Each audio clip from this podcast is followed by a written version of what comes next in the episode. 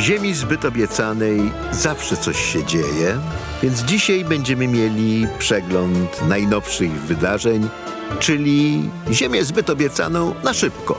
W KHZ tak to jest. Podcast Ziemia zbyt obiecana powstaje we współpracy z Fundacją Elnet, organizacją pozarządową, której celem jest pogłębianie relacji między Europą a Izraelem w oparciu o wspólne potrzeby i demokratyczne wartości. Czwartek wieczór 150 tysięcy, a może nawet 200 tysięcy ludzi zgromadziło się w Jerozolimie wokół Knesetu, by demonstrować w sprawie planowanej przez rząd tak zwanej reformy wymiaru sprawiedliwości. To byłaby banalna wiadomość. Takie manifestacje protestacyjne odbywają się od miesięcy, gromadzą podobną liczbę ludzi, a w Tel Awiwie na ulicę potrafi wyjść nawet 400 tysięcy demonstrantów. Gdyby nie to, że tym razem do Jerozolimy zjechali zwolennicy reformy. Zjechali z całego Izraela podstawionymi autobusami i nawet specjalnymi pociągami, na które zezwolenie wydała minister transportu pani Miri Regev, która przedtem z oburzeniem odrzucała propozycję, żeby podstawiać specjalne pociągi, które mogłyby dowieść uczestników do demonstracji protestacyjnych w Tel Awiwie, mówiąc, że państwowe koleje nie są narzędziem do prowadzenia agitacji politycznej. No, tym razem i słusznie zresztą zmieniła zdanie. Ta demonstracja była zapowiedziana przez zwolenników reformy jako Marsz Miliona. No, milion się skurczył do 150 tysięcy, ale i tak te 150, czy może nawet 200 tysięcy, to jest dość imponująca liczba i znaczący politycznie fakt. Przywykliśmy do tego, żeby myśleć o konflikcie politycznym w Izraelu jako starciu społeczeństwa z rządem – Rząd ma jakieś kretyńskie pomysły, a społeczeństwo wylega na ulicę, by się tym kretyńskim pomysłom przeciwstawić. Ale ten rząd ktoś wybrał. Te 64 miejsca w Knesecie nie wzięły się z niczego. Rząd reprezentuje tutaj poważną część izraelskiego społeczeństwa.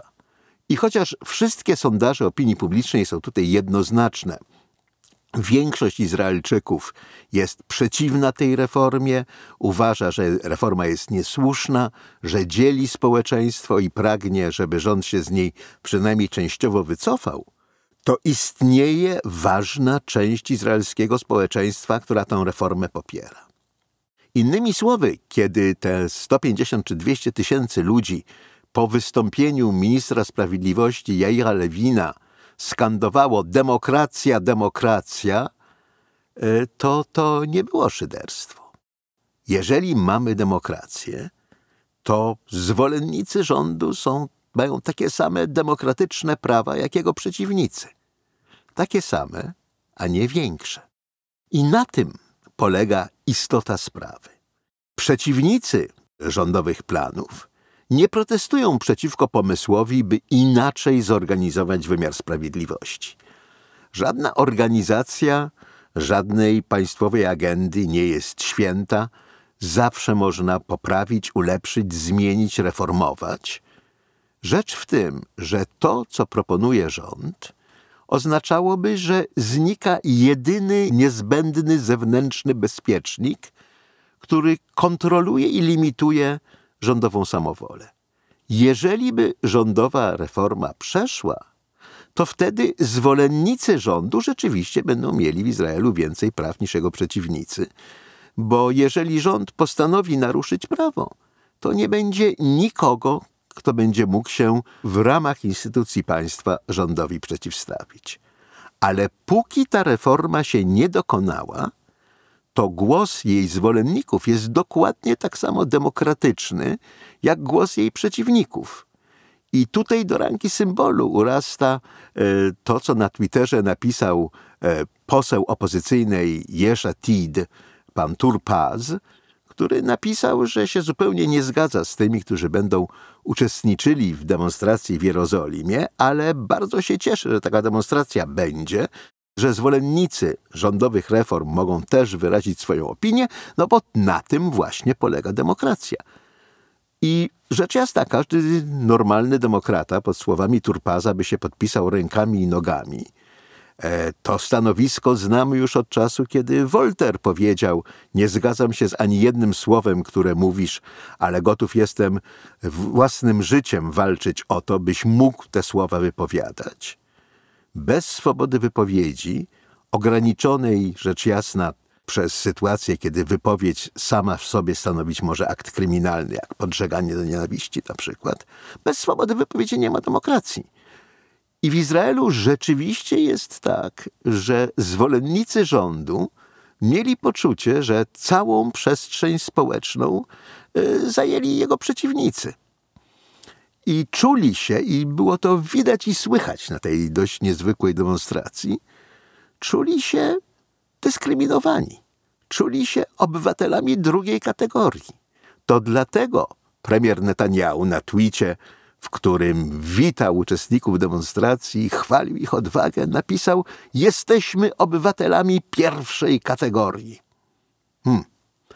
Jeżeli są kategorie obywateli, no ja się bardzo cieszę, że ci, którzy czują, że zostali wypchnięci z przestrzeni publicznej, dostają oficjalny certyfikat, że są obywatelami pierwszej kategorii, no ale to znaczy, że ktoś jest obywatelem drugiej kategorii, bo jeżeli nie ma drugiej kategorii, no to pierwsza też nie istnieje.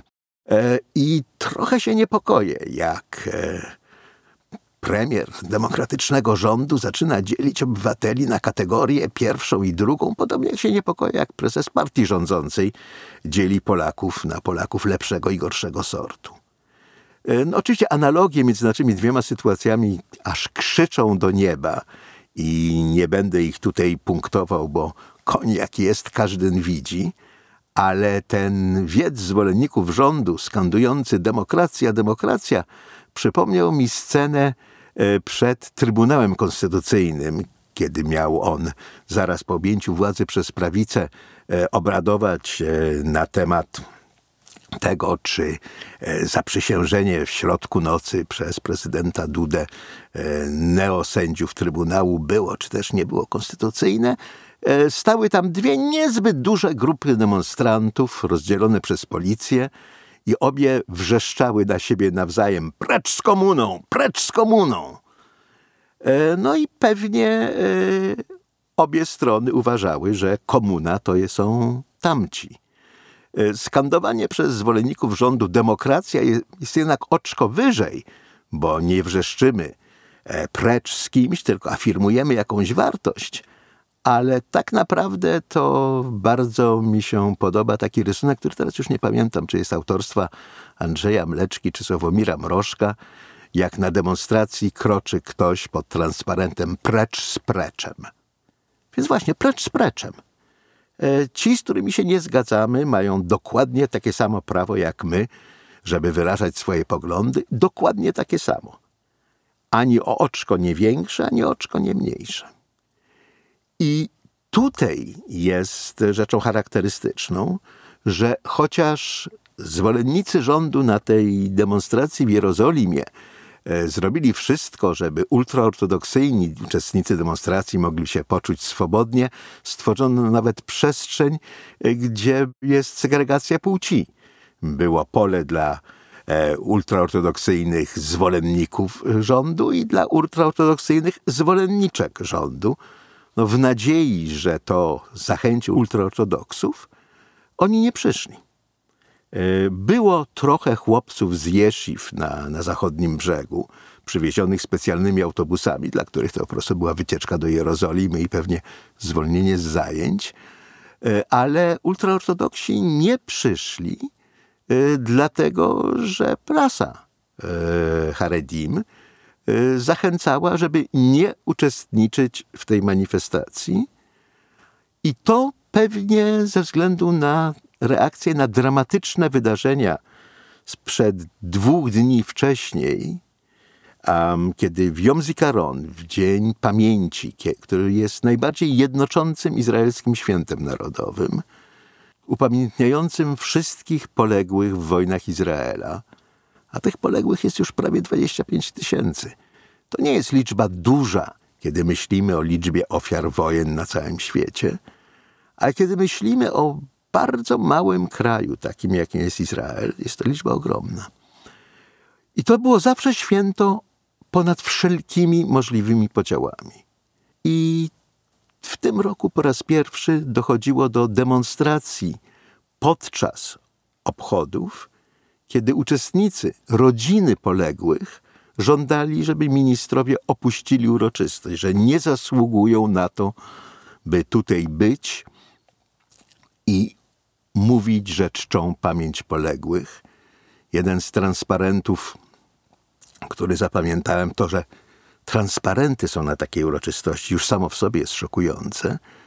Transparent rodziców poległego żołnierza brzmiał: Obronimy wartości, za które zginąłeś. Ewidentnie wymierzone we władzę, która te wartości liberalne, demokratyczne narusza. Szczególnie ostro buntowano się przeciwko obecności ministrów ultraortodoksyjnych. No to dlatego, że Haredim nie służą w wojsku. Więc jak mogą ministrowie mieć czelność przychodzić i czcić pamięć tych, którzy zginęli za Izrael, skoro oni sami, ani ich dzieci nigdy takiego ryzyka nie ponoszą? E, to nie jest nowy konflikt. On w Izraelu istniał zawsze, ale zawsze była świadomość tego, że są wartości ponad tym konfliktem, a tymi wartościami jest istnienie państwa i jedność narodu w sprawach podstawowych. I w tych dniach żeśmy zobaczyli, że te wartości zostały poważnie naruszone. E, taka jest konsekwencja tej przeraźliwej, bezmyślnej reformy, która stanowi zamach na wymiar sprawiedliwości, ale też zamach na samą koncepcję państwa liberalnego. I należy oddać szacunek partiom ultraortodoksyjnym, że uznały, że w sytuacji, kiedy obecność ich polityków zwiększa podziały, oni powinni zniknąć ze sceny publicznej. Zamiast stać, wykłócać się, argumentować, bo są przecież argumenty za stanowiskiem ultraortodoksów, powinni, kierując się nadrzędnym interesem społecznym, e, nie drażnić, nie prowokować, nie dzielić. I dlatego ultraortodoksi nie stawili się w czwartek wieczór pod Knesetem. I to jest jeden z takich rzadkich przykładów odpowiedzialności za nadrzędny interes, za dobro także i tych, z którymi się nie zgadzamy, jakie mogliśmy widzieć w Izraelu w ostatnim czasie, ale tych przeraźliwie głębokich podziałów, jakie zamach rządu na państwo, bo tak to należy określić, w społeczeństwie izraelskim wywołał, no ugodowe gesty polityków Haredi y, nie zmienią, tego się nie zasypie, tego się nie sklejstruje od tak. To będzie wymagało ogromnego wysiłku po obu stronach. Po stronie rządu wymagałoby to przyznania, że nie można reformować państwa wbrew większości jego obywateli.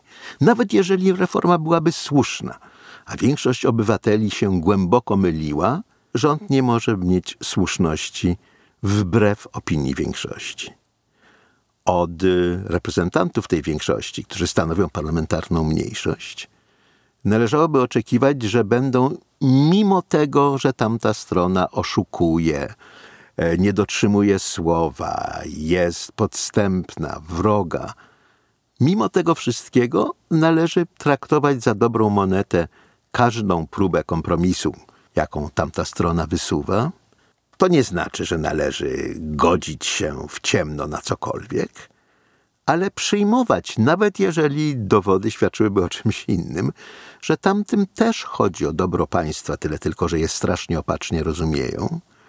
Nie dlatego byśmy uwierzyli w to, że Netanyahu chodzi o cokolwiek niż własną władzę i własny interes, a dlatego, że bez takiej wiary państwo nie jest możliwe.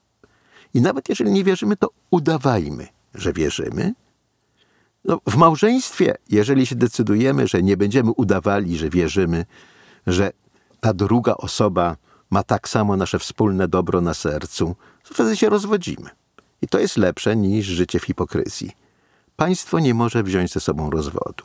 Izrael nie może się rozpaść na dwa Izraele, na Judeę i Izrael, na Izrael prawicowy i religijny, i lewicowy i świecki, e, no tam jest e, troszkę za mało ziemi. Więc jedni i drudzy muszą ze sobą wytrzymać i wszystkie gesty, które w tym kierunku są robione, mają ogromną wartość. No i w tym kontekście niezmiernie ważne niestety jest to, co powtórzył raz jeszcze minister sprawiedliwości Jair Lewin e, na czwartkowej demonstracji, który powtórzył, nie będzie żadnych ustępstw, nie będzie żadnego kompromisu, nie damy sobie odebrać naszego zwycięstwa, nie damy stłumić demokracji, naród się wypowiedział, a my, rząd, będziemy realizowali wolę narodu. I kiedy minie po 1 maja miesięczne zawieszenie broni ogłoszone przez Netanyahu po ogromnych demonstracjach protestacyjnych w Tel Awiwie, e, minister Lewin potwierdza, że rząd rusza naprzód ze swoim programem reform, tak jakby się nic po drodze nie zdarzyło. To oznacza, że te negocjacje, jakie się dokonują nadal pod patronatem prezydenta Herzoga, e, to pic na wodę fotomontaż. Rząd nie zamierza ustąpić ani na krok. A w tej sytuacji, no, mimo że trzeba reagować na gesty dobrej woli, to szansy wielkiej one nie mają. I prowadzi nas to prostą drogą do odnowienia i odbudowania fundamentalnej konfrontacji, która rzeczywiście zagraża istnieniu państwa. To, że rząd tego nie widzi i że nie jest w stanie w imię interesu państwa ustąpić, nawet jeżeli jest głęboko przekonany, że rząd ma rację, a jego przeciwnicy racji tej w żadnym stopniu posiadać nie mogą, to jest dziko niepokojące. Bo jeżeli istnienie państwa nie jest dobrem najwyższym rządu, no to pytanie brzmi, co ten rząd tam robi, czym rządzi, w czyim interesie. To wszystko mówię ze strasznie, strasznie trudno jest to mówić, bo po pierwsze Izrael jest jednym z tych państw, którego istnienie na mapie nie jest gwarantowane raz na zawsze. Zawsze będzie jakaś Francja, zawsze będzie jakaś Turcja. To nie jest oczywiste, że zawsze będzie jakiś Izrael. Jedyną gwarancją jego istnienia jest determinacja i wspólna wola jego obywateli, że zrobią wszystko, by istniał. Iran potwierdził właściwie, że wzbogaca uran do tego poziomu 63,9%, który jest już poziomem czysto militarnym. Żadne cywilne wykorzystania izotopów promieniotwórczych tego nie uzasadniają. E, Hezbollah e, ma w Libanie przynajmniej 150 tysięcy rakiet i pocisków sterowanych. E, to już nie są żarty. A w sytuacji, kiedy rząd izraelski nie może liczyć na automatyczną solidarność Stanów Zjednoczonych, które i słusznie przypominają Izraelowi, że sojusz między tymi dwoma państwami opiera się na wspólnych wartościach. Jeżeli jedna ze stron odżegnuje się od tych wspólnych wartości, no to stawia sojusz pod znakiem zapytania.